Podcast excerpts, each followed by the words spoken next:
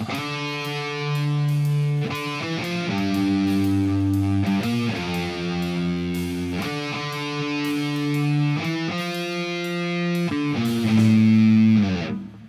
velkommen til podkasten Uønska.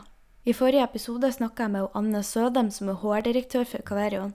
Hun snakka om alt hun har sett og opplevd i årenes løp, og hva slags forebyggende tiltak og ansvar bedriftene har. Nå får vi høre fortsettelsen. Har, har, du noen gang opplevd at det er ledelsen som er problemet med seksuell trakassering? Ja, det har jeg. Det er, det er veldig krevende når det, når det skjer. Blant annet så var jeg jo borti en leder som syntes at han var leder fra åtte til fire. Men klokka fire så sluttet han å være leder, og da kunne han sjekke opp de kvinnelige medarbeiderne. Ja, ikke sant. Da måtte vi ha en prat om det, at det er faktisk, det er du er faktisk leder hele, hele, døgnet så lenge det er en medarbeider i nærheten. Og hvis det skjer noen ting med deg etter klokka fire, så er det lederen det skjer noe med, det er ikke privatpersonen det skjer noe med. Og det som er utfordringene med det, er jo at mange tror at, at HR kun er ledelsens stemme og røst. Men HR er selskapets røst og skal ta vare på, på, medarbeiderne i selskapet. og Det betyr at noen ganger så er det lederen de må ta tak i, som ikke gjør det de skal, eller som har gjort noe de ikke skal. Og mens mange medarbeidere tror nok at hvis det gjelder en leder, så kommer ikke HR til å gjøre noe med det. Og det er feil. Det er klart vi gjør det. Det, det, det, må vi gjøre hvis dette skal være troverdig og ryddig. Og, og det er viktig at ikke vi ikke mister medarbeidere på at vi lar en leder gjøre noe han ikke skal. Så det er klart Gjennom de, alle de årene jeg har jobbet i personal og i HR, så, så, har det også vært flere ledere som ikke har gjort det de skal, eller som har gjort noe de ikke skal. Ja, nei, det, det skjer jo dessverre. Det er um, mennesker i alle stillinger. Men det jeg tenker er at vi vet jo at det skjer, at det sikkert kommer til å skje, men det som er utilgivelig, er hvis vi ikke gjør noe med det. At vi ikke griper inn. Og i hvert fall hvis vi får beskjed om det. Og Derfor så mobiliserer vi jo nå alle lederne og hele verneapparatet og alle tillitsvalgte. Alle skal læres opp, alle er med. Og de tillitsvalgte har også hatt veldig positiv respons på det arbeidet vi gjør. Så jeg tenker at um, selv om det eventuelt finnes noen motkrefter i organisasjonen som syns dette ikke er ok, så tenker jeg at de er ikke i flertall, de er i mindretall. Det, det, det tankesettet er nok på vei ut. Uh, selv om det sikkert kommer til å gå noen år til, så er det det. Håper jeg. ja. ja. Det, det får du virkelig håpe. Når at folk bestemmer seg for å si ifra, hva slags apparater er det som blir satt i gang hos dere? Ja, Det første er jo at vi tar en prat med den som har sagt ifra. Og vi har vel også sagt at det er best at det løses på lavest mulig nivå, sånn at folk får muligheten til å, til å korrigere kursen. Hvis, hvis, det ennå er på så tidlig stadie at, at, at, man kan gjøre noe med det. Og så, prater, og så avgjør vi jo sammen med den som har meldt ifra. Hva tenker du nå? Hvordan vil du gå videre? Og det er klart Noen ønsker jo å si ifra fordi de ikke ønsker å oppleve at den dagen det går for langt, så får de beskjed om at du burde ha sagt ifra før.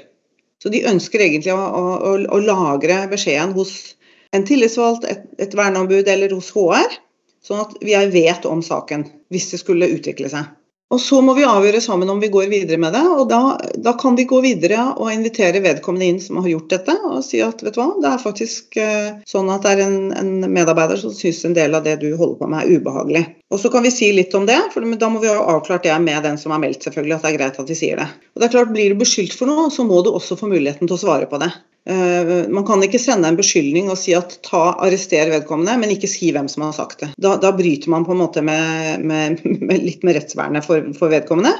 Ja, I tillegg til at hvis man er eneste kvinnfolk på arbeidsplassen, så er det ganske åpenbart ja. hvem det er som har sagt ifra. Hvem det er som har sagt ifra, ja. Så da, da må man legge en, en, plan for det. Og så må man høre hva vedkommende sier om det som har skjedd. Og, og som regel så løser det seg da ganske fort ved at vedkommende sier oi, du, sa det selv, det var ikke sånn ment. Nei, det er greit, men det betyr at det kan heller ikke fortsette. Og du må også bidra nå til at dette ikke blir noe sak. Det skal ikke prates om, det skal ikke eh, fordi da vil det få konsekvenser. Så, så, vi må ha en ordentlig prat om hvordan dette skal gjøres. Mens hvis det da er blitt mye mer alvorlig, at det faktisk har vært en ganske alvorlig situasjon, som det jo har vært noen ganger, Eh, hvor det både har vært fysisk og det har vært eh, eh, rykteflom, omtale av fordi at den unge kvinnen har ikke vært med på det eh, den unge mannen vil, f.eks., så, så setter han ut rykter om henne. Da, da, går vi over på advarsel. Og da når vi har snakket gjennom det da, så, og det jeg opplever da, er at historiene er ganske overlappende, bare med, med litt forskjellig ståsted, selvfølgelig. Ja, jeg gjorde det, men jeg trodde hun ville at jeg skulle. ikke sant? Så, så, så det er en erkjennelse av at man har gått for langt. Og så skrives det en advarsel hvor det også ramses opp en del eh, ting. Hvor, hvor vi går gjennom hva er seksuell trakassering, hva, hva betyr det, hva, øh, og, og, hva man ikke skal gjøre. Og at det er en forventning som ligger i den advarselen. Og at dersom det kommer flere varslinger på, på, vedkommende, så må vi ha et nytt møte. Og da kan det få en enda større konsekvens, f.eks. at vedkommende må slutte i selskapet. Og så øh, finnes det et varslingsutvalg hvor det sitter tillitsvalgte, HR, HMS-sjef, flere, Eh, hvis det viser seg at eh, den som er anklaget sier at dette går jeg ikke med på, jeg syns ikke det er rettferdig med denne varslingen, jeg har, føler ikke at jeg har gjort noe feil, så må vi løfte saken opp der og få den behandlet der av eh, flere som, som også vedkommende opplever som mer nøytrale. Og Så skal jo saken dokumenteres og, og, arkiveres, sånn at vi kan ta den opp hvis det skjer noen ting. Så Det er jo egentlig gangen i det, men, men der har jeg jo også opplevd at den som utsettes for trakassering, ikke gir seg før, før den som har trakassert er sparka. Og, og, Der må vi passe på at norsk lov blir fulgt. Vi som arbeidsgiver kan ikke bare sparke noen første gang det skjer. Det må en advarsel til. Jo, jo, mm. men har dere muligheten til å gjøre andre ting, som f.eks. å plassere dem på et annet prosjekt? At de to ja. slipper å arbeide i lag? Ja, ja. Det, det, kan vi gjøre. Og det syns jeg vi skal gjøre. Eh, at de skal slippe å arbeide på samme sted. Det som ikke, ikke, er uvanlig, er jo at en av dem slutter, og dessverre så er det ofte eh, kvinner som slutter. Det var det neste jeg skulle mm. nevne, ja. At ja. Eh, det er jo for dumt at jeg skal gå den veien. Ja, for det blir for vanskelig å jobbe der. og Derfor så, så så finne, å finne veien der, det, jeg har ikke løsning på det i det hele tatt. Men, men, men igjen, da, det er, det er jo sånn at, at, selv om man ønsker å gjøre ting, så må vi likevel følge loven.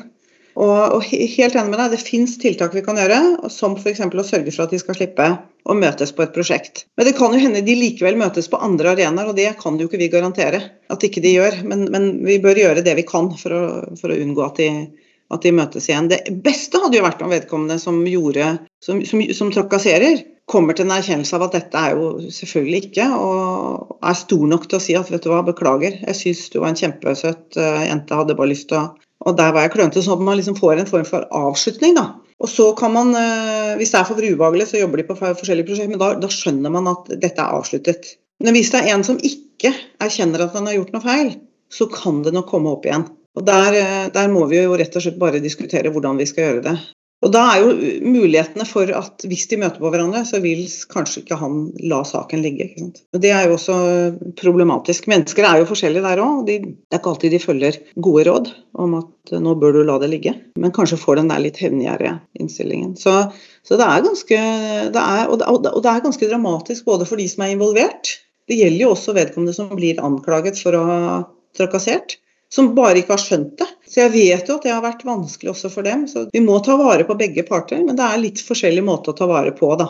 Og, og er de unge, så er de ofte så da er det litt lettere å få dem til å skjønne konsekvensene av dette på lang sikt, og at de slutter med det. Men, men er det noen som har holdt på med dette i årevis, og de omsider blir varslet på, så forstår de ikke alltid at forskjellen på i går og i dag, at det jeg gjorde i går var jo tilsynelatende greit, for da var det ingen som sa ifra. Mens det jeg gjør i dag er plutselig ikke greit. Da er det noen som sier ifra. Og Da må vi jo snakke om det at folk er forskjellige, og at mange ikke tør å si ifra. Og, og det, det, blir ofte brukt mot de som ikke har turt å si ifra også. Når du ikke har sagt ifra før, så har du egentlig stilltiende akseptert det som foregår. Og det, det, stemmer jo heller ikke. Men der kan man jo snakke om omgivelsene, da. Som ikke sier ifra hvis de ser noe.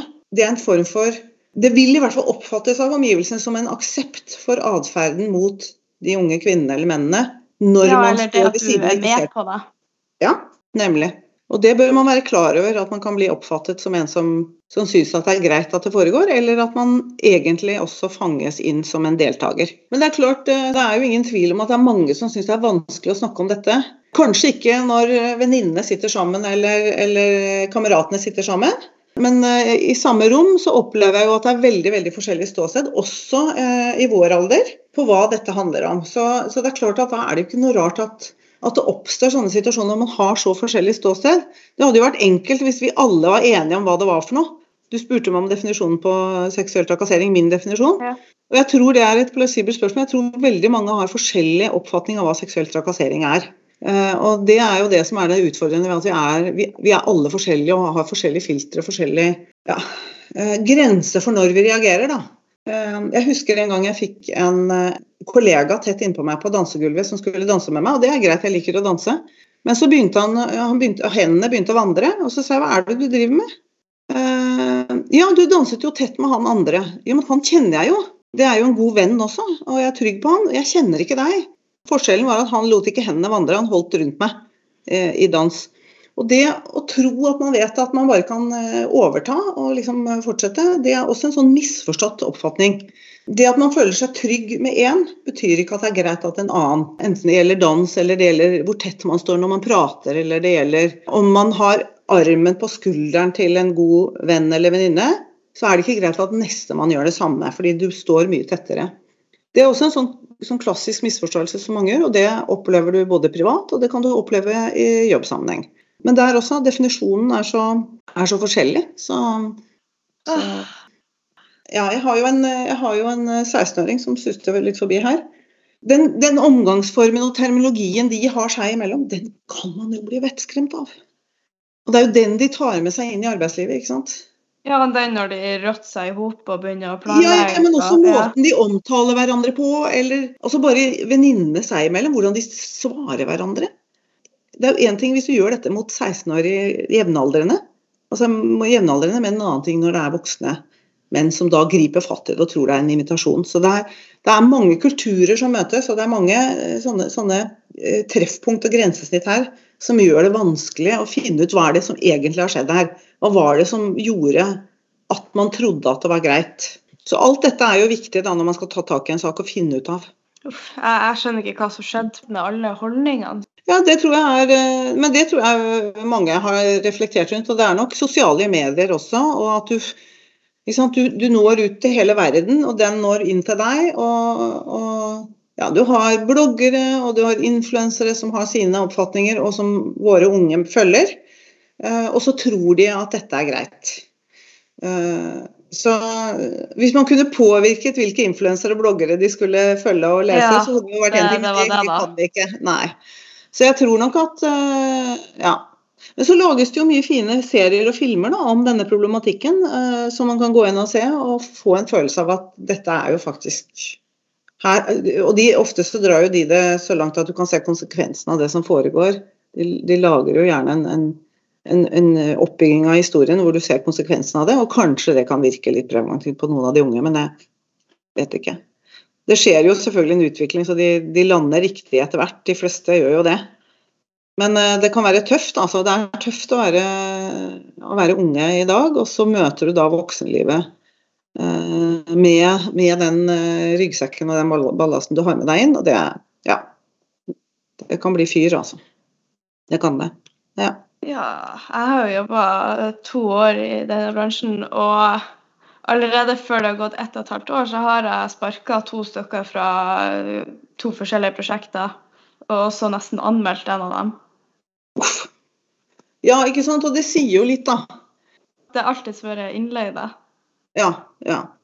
Ja da, nei, også, også, Du har jo en dimensjon til som vi jo snakker mye om nå. Det er jo, det er jo at vi, vi, leier jo inn og, og, ansetter folk som ikke er norske i utgangspunktet. Uh, som ikke snakker norsk, som har en annen kultur, som har en annen oppfatning av kvinner på arbeidsplassen.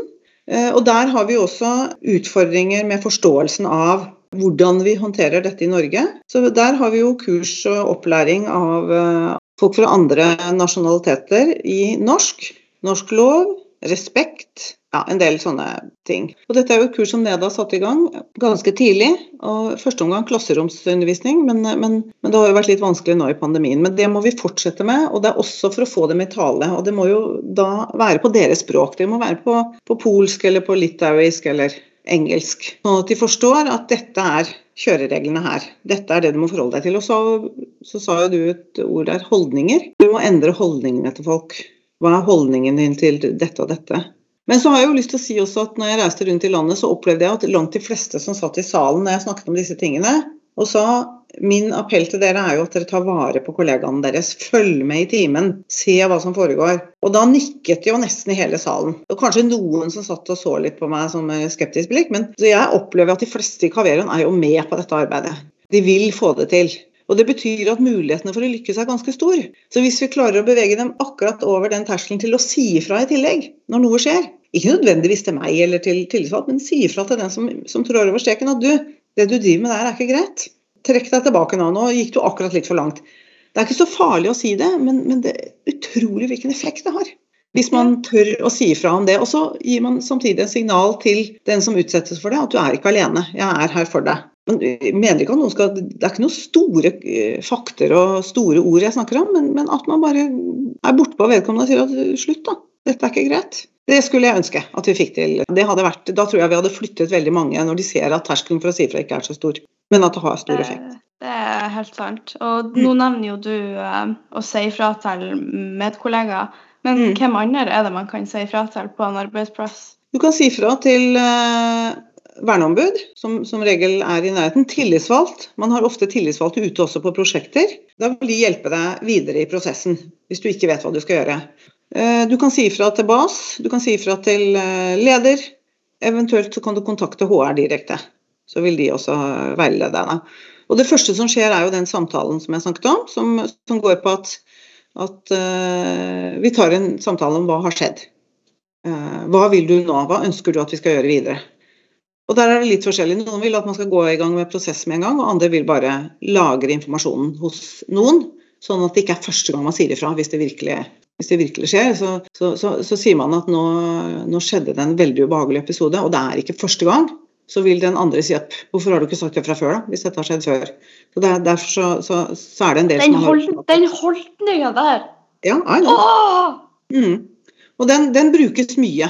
Det er et virkemiddel som funker ganske bra for mange. At Du har jo aldri sagt det fra før, og da, da er det å oppfatte som en stilltiende aksept på at dette er greit, og det er det jo ikke. Nei, overhodet mm, ikke. Nei, overhodet ikke. De, de, de, forstår ikke hvor vanskelig det faktisk er å si ifra. Det er veldig vanskelig. og Det er derfor vi prøver å finne så lav terskel som mulig å si fra. Og som et minimum så tenker jeg si fra til en kollega. Selv om du er eneste kvinne, si fra til en du stoler på av, av, de mannlige kollegaene. Kan du hjelpe meg? Jeg er i en situasjon nå hvor jeg syns at det foregår noe jeg ikke helt klarer å sette fingeren på. Eh, sånn og sånn. Hva tenker du? Og så får man reflektert litt rundt det. Og så håper jeg at kollegaen er en så god kollega at han eller hun sier vet du hva, nå går vi og snakker med en tillitsvalgt, eller nå går vi og snakker med en, et verneombud, eller vi ringer etter HR og hører hva vi skal gjøre. Så får vi noen råd. Sånne kollegaer. Det, ja. Alle sånne burde ha sånne kollegaer. Jeg er så utrolig heldig som har sånne kollegaer på arbeidsplassen, mm. eller på, i firmaet mitt generelt. Altså, jeg, føle, jeg, føler at jeg kan snakke med de aller fleste. Ja. Jeg har god kjemi med begge verneombudene på både service- og prosjektavdelinga. Eh, vi kan snakke om alt. Eh, det, mm. Nei, det, det, er så bra at folk blir kjent med folk innenfor bedrifter. At de blir kjent med hvem er det man kan snakke med. Altså, at Når du er inne på kontoret, f.eks., så kan du faktisk ta runden innom alle kontorene. Bare, ja, hei, 'Hvordan går det med familien?' Og, 'Har du fått gjort det du sa du skulle gjøre med garasjen?' Altså, At man har, at alle er gode venner. Ja, og kollegaer. Det er akkurat sånn en arbeidsplass skal være. Ja, og det du sier der, hvordan går det med familien? Når du er der, så har du en relasjon til kollegaen din som gjør at du vil jo selvfølgelig aldri trå over streken.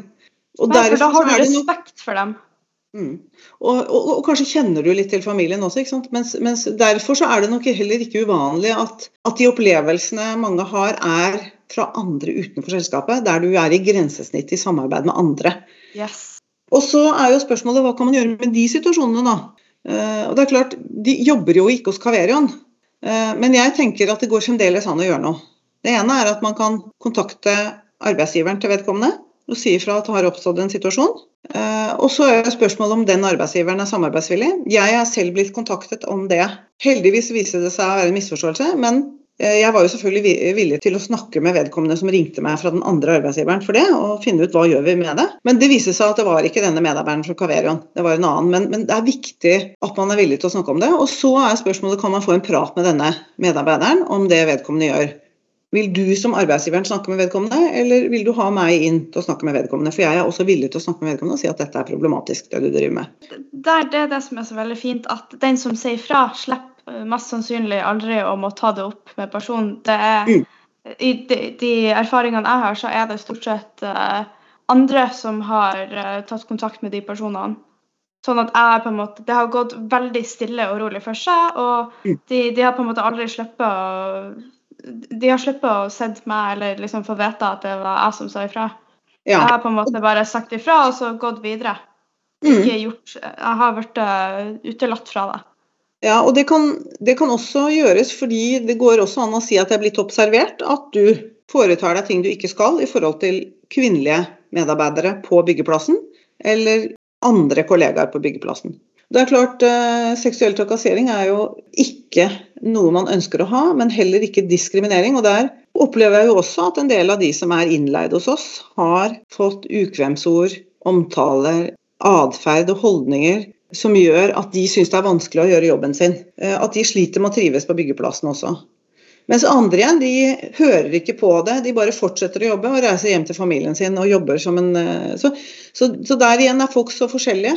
Eh, men uansett så skal man slippe å oppleve dette. Og hvis det skjer, så skal man oppleve at det blir tatt på alvor. At vi griper fatt i det, at vi gjør noe med det. Det er jeg veldig opptatt av. La oss si at det er en innleid som ja, ja, gjør et eller annet eller sier et eller annet, og man blir veldig ukomfortabel. Så snakker du om at man skulle si ifra til lederen deres. Hva, hvordan får man vite hvem som er lederen deres? Ja, det, finner, det, er veldig det, viktig at folk får denne informasjonen, sånn at de ikke går rundt og bare jeg må si ifra til lederen, men hvem er det som er lederen? Ja, nei, det, det tenker jeg at eh, Det vil jo noen ha oversikt over. Sånn at Der ville jeg jo ha kontaktet basen og funnet ut hvem er det som er lederen til vedkommende, hvilket selskap er vedkommende fra. Noen ganger så går de jo med uniform, eller de har jo gjerne et merke på, men de kan være innleid via noen også. Eh, så det tenker jeg at der eh, hadde jeg jo satt verneombud eller tillitsvalgt på jobben og finne ut av det. Så man slipper å undersøke det selv. Og så Når man finner ut det, så kan man kontakte en som har mulighet til å si fra. og Det er jo ofte enten leder, avdelingssjef eller, eller, eh, leder i prosjektet eller HR eller noen av de som kan ringe til den arbeidsgiveren og si at vi har hatt en situasjon der en av dine medarbeidere er involvert, og vi vil gjerne snakke med vedkommende, eller at du snakker med vedkommende. Så jeg tenker at uh, Hvis det er du som er utsatt for det, så skal du slippe å finne ut av det på egen hånd. Du, du kobler jo på da tillitsvalgt eller verneombud eller bas eller, eller en leder uh, lenger oppe som kan, som kan, finne ut av det. Og Hvis de ikke samarbeider, så må du i hvert fall ta kontakt med HR, så kan vi finne ut av det. Så Det som er viktig også, er jo selvfølgelig å finne ut navnet på vedkommende. Som du ja. gjorde, er, så, så, vi har en, en, å identifisere. For da, da, det, da finner vi alltid ut hvem som er arbeidsgiver, og hvem som er deres leder. Uh, I den uh, episoden der så var jeg jo fortsatt fersk lærling og ja. hadde to uh, montører med meg som jeg hadde jobba med tidligere, og som var kjempegreie og alt sånt. Ja. og jeg visste at de, de, brukte å være med på de her møtene som ja, angående byggeprosessen, hvor langt vi var kommet, hva som gjensto. Så jeg visste at de, de, hadde på en måte hatt noe med den personen å gjøre. Mm. Men igjen så er man jo da redd for at folk skal si å ja, neimen han der er jo kjempegøy. Nei da, han han mener ikke noe vondt med det. Nei da, han ja, Og der berører du noe viktig. fordi der er vi over på akkurat det som skjer noen ganger. Nei, han er så snill, og han er gift, og han kommer ikke til å gjøre det. Han gjør ikke sånn. Og det er jo akkurat den avfeiningen jeg ikke ikke ønsker at vi skal ha. Fordi eh, man kjenner ikke en person 100% og vet ikke hva vedkommende er i stand til å gjøre i en del sammenhenger. Og så kan det godt hende at det stemmer at vedkommende er grei og snill, men har fått blikket på noen som man syns er en eh, søt uh, og vakker kvinne f.eks., eller mann for den saks skyld, og, og foretar seg ting han ikke skulle gjort. Og Da må han få beskjed om det før det går for langt. Så, og for meg så var det Da jeg hørte den podkasten, så tenkte jeg på hvor utrygg du måtte føle deg etter hvert som du skjønte at du ble lett altså at, at, vedkommende letet etter deg. ikke sant? Og så tenkte jeg liksom, hva skjer neste gang, da? Ikke sant? Eh, ok, Han smilte bare pent, og, og, og, og, så var det det. Men hva var på en måte strategien her? ikke sant? Hva er neste steg? Uh, og bare gå rundt og tenke på det. Det var ubehagelig nok at du ble, at du ble søkt opp, og, at han lette etter deg. Så det er nok, Jeg tror nok ikke alltid de tenker på hva det, hva det medfører av følelser og us, utrygghet det er, det, er, det er, ikke greit, altså. Det er det ikke. Men det fins alltid en, en vei, og, og, og, det er derfor jeg også sier at eh, vi må ha et apparat som gjør at det er lett å finne ut hvem man skal kontakte. Men, men det som er utfordrende, er jo at hvis man er ny, ja, så vet du kanskje ikke. og Derfor må du ha denne onboardingen da, som gjør at du får uh, vite hvem som er hvem. Dette er verneombudet her, dette er tillitsvalgt, dette er selvfølgelig lederen din. Uh, her er kollegaene dine. Og, og, første steg, hvis du ikke vet hvem noen av de er, snakk med en kollega. En introduksjon til dem, og så får ja. kontaktinformasjon med en gang. E-postadresse, telefonnummer. Ja. At, du, at, de forsikrer deg om at det, det, er bare å ta kontakt hvis det skulle være noe. Ja, ja. Og det er viktig, altså viktig det du påpeker der, så det må vi også ta når vi tar opplæring nå. Av, av lederne våre, av tillitsvalgte og av verneombud. Eh, og De har jo ventet på denne opplæringen, og der, der, eh, skulle vi jo få bistand fra en av fagorganisasjonene som, som, som, som jeg tror nå er enig i at vi bruker det som eh, Likestillings- og diskrimineringsdepartementet har laget, for det er faktisk veldig solid. Og Da kan man, da kan man bruke det. Da, da får man hele prosessen av hvordan man skal forholde seg. Det er klart Du må ha kunnskap for å vite hva du skal gjøre. Og så må du vite at det er greit å si ifra. For det er jo altfor mange som sier det du sier der, nemlig at uh, han er så snill, det kan ikke stemme. Det har nok vært sagt i mange sammenhenger før, hvor snille folk er, og så viser det seg at de har en annen side også. Så. Noe som jeg ikke fortalte i podkasten, det var jo det at uh, vi parkerte på samme parkering, og mange andre selvfølgelig. Men så var det dager hvor vi kom samtidig, og da satt jeg ofte i bilen og venta til at han var kommet helt inn i brøkkerigget før jeg mm. gikk ut av bilen. I tillegg til at jeg også noen ganger hadde lyst til å kaste stein på bilruta og bare stikke av. Uff a meg. jo, men det sier jo, med, det sier jo noe med hva han gjorde med deg, ikke sant? At du er der. For du er sånn, utgangspunktet så antar jeg at du ikke er så veldig sånn destruktiv orientert, men det sier noe. Nei, nei, nei.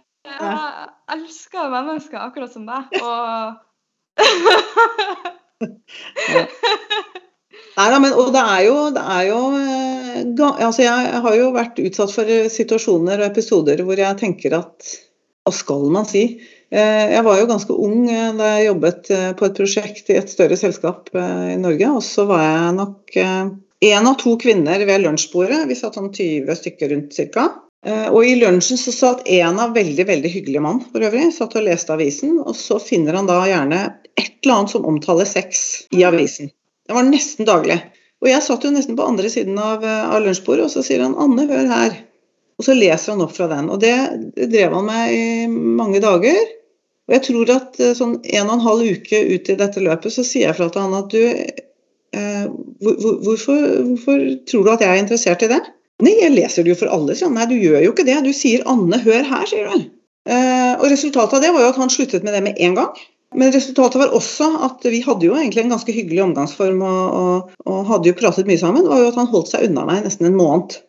Han, og vi var på samme prosjekt uh, i samme lokaler, ikke sant. Uh, men så etter en måneds tid så tror jeg han rett og slett uh, tenkte at ok. Aldri, skjedde aldri noe mer etterpå. Men det er klart at da var jeg noen og tyve bare da jeg sa ifra om det. Og jeg aner ikke hvor jeg fikk det fra heller, for det var, det var jo mange voksne menn rundt bordet. Men det jeg da også opplevde, var at ingen av de andre kommenterte det. Ingen sa jeg helt enig, slutt med det, eller noe sånt, som jeg hadde håpet at de skulle gjøre. For jeg sto jo i det alene, og den andre kvinnen, kvinnen, som satt rundt bordet, jeg vet ikke engang om hun hørte at jeg sa det. Men da ingen av dem nevnte det etterpå. Ja, du, du sa, det på lunsjbordet? Ja, ja, ja, jeg sa det på lunsjbordet når han sa andre wow, hør så tøft gjort! Nei, jeg aner ikke hvor jeg fikk det fra. Der det jeg seriøst at de andre skulle ha ja, gjort noe. Ja. Ingen av de andre gjorde noe, og derfor så kan jeg skjønne at jeg hadde jo så høy puls at jeg holdt på å besvime. Og det er klart at når du opplever sånne ting, så, så tenker du bare at uh, skal aldri si fra igjen. Men det virka jo. Så sånn i ettertid så er jeg jo glad for at jeg gjorde det, men, men, men det jeg grua meg jo til å gå på jobb, for jeg visste jo ikke om det kom til å skje noe. Kom, det, kom, han til kom man til å reagere med noe? Kom det til å skje noe mer? Ingen sa noe. Ingen kommenterte det etterpå. Ble aldri berørt igjen. Og så fikk vi en sånn normal tilnærming som vi hadde hatt tidligere, og det skjedde aldri noe mer.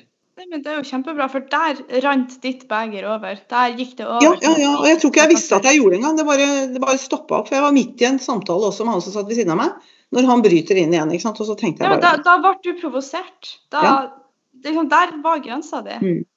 Så, så, så, det er klart det finnes mange sånne episoder, og så kan man si ja, var det noe, var det noe farlig? Nei, men hvor, hvorfor skal jeg utsettes for det? Så det var vel kanskje en av de første sånn i jobbsammenheng. Hva var det du jobba med da? Da var jeg sekretær. Du var sekretær, ja. Ja, på, på et større prosjekt. Og så var det eh, masse ingeniører. Prosjektingeniører og prosjektledere på, Ja, på denne.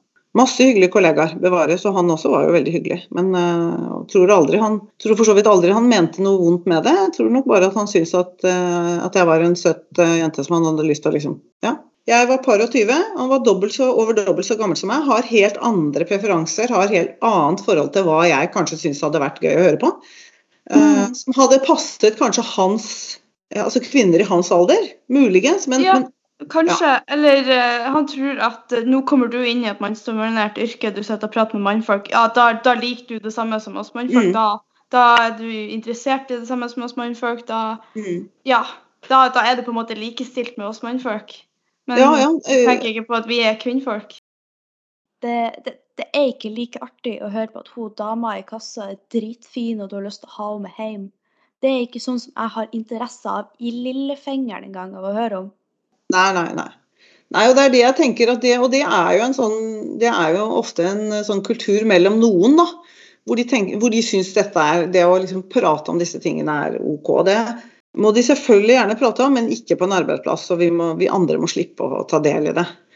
Um, og det er vel egentlig der det, ja. Men så finnes det jo mange som ikke gjør det, som aldri gjør det, og som ikke skjønner hvorfor dette er et tema i det hele tatt. Så, så det er jo en, det er jo en balanse, en balansegang. og uh, ja. Kanskje også derfor det er, eh, det er et tema som er vanskelig å snakke om. Da, fordi at det er så mange som, hvor ryggmargsrefleksen er 'nå blir jeg angrepet'. Ikke 'oi, ja, men dette må vi ta tak i, det her må vi stå sammen'. Nå må vi Ja. Så jeg tror eh, det er, det er veldig, veldig forskjellig hvordan folk eh, reagerer på det. Men jeg bare Jeg husker også i, i enden av eh, Eller i, i, under, under hashtag metoo-tiden så var det så mange menn som var ute både på Facebook og i avisen og snakket om at nå må, det, nå må dette snart ta slutt. Så mye fælt har vi ikke gjort og sånn.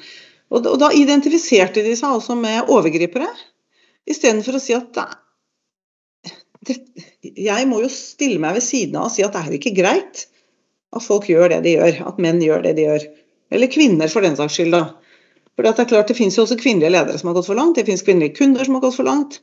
Eh, Og vil, mange liker jo å ta, dra opp de eksemplene også, det skal vi gjøre, men det er jo ingen tvil om at det er overvekt av menn i en mannsdominert bransje som går for langt.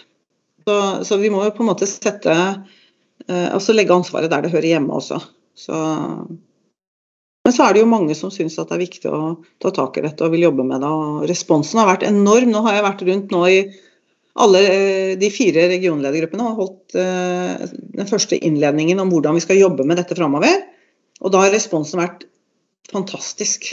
Og De har kommet med innspill, og de syns det er viktig, og de skjønner at dette må vi ta tak i. Og hvis vi skal rekruttere inn eh, Ja, altså inkludere mange, da, så, så må vi faktisk eh, ta dette på alvor.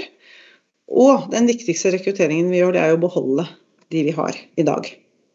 At vi ikke mister dem fordi vi ikke tar dette på alvor.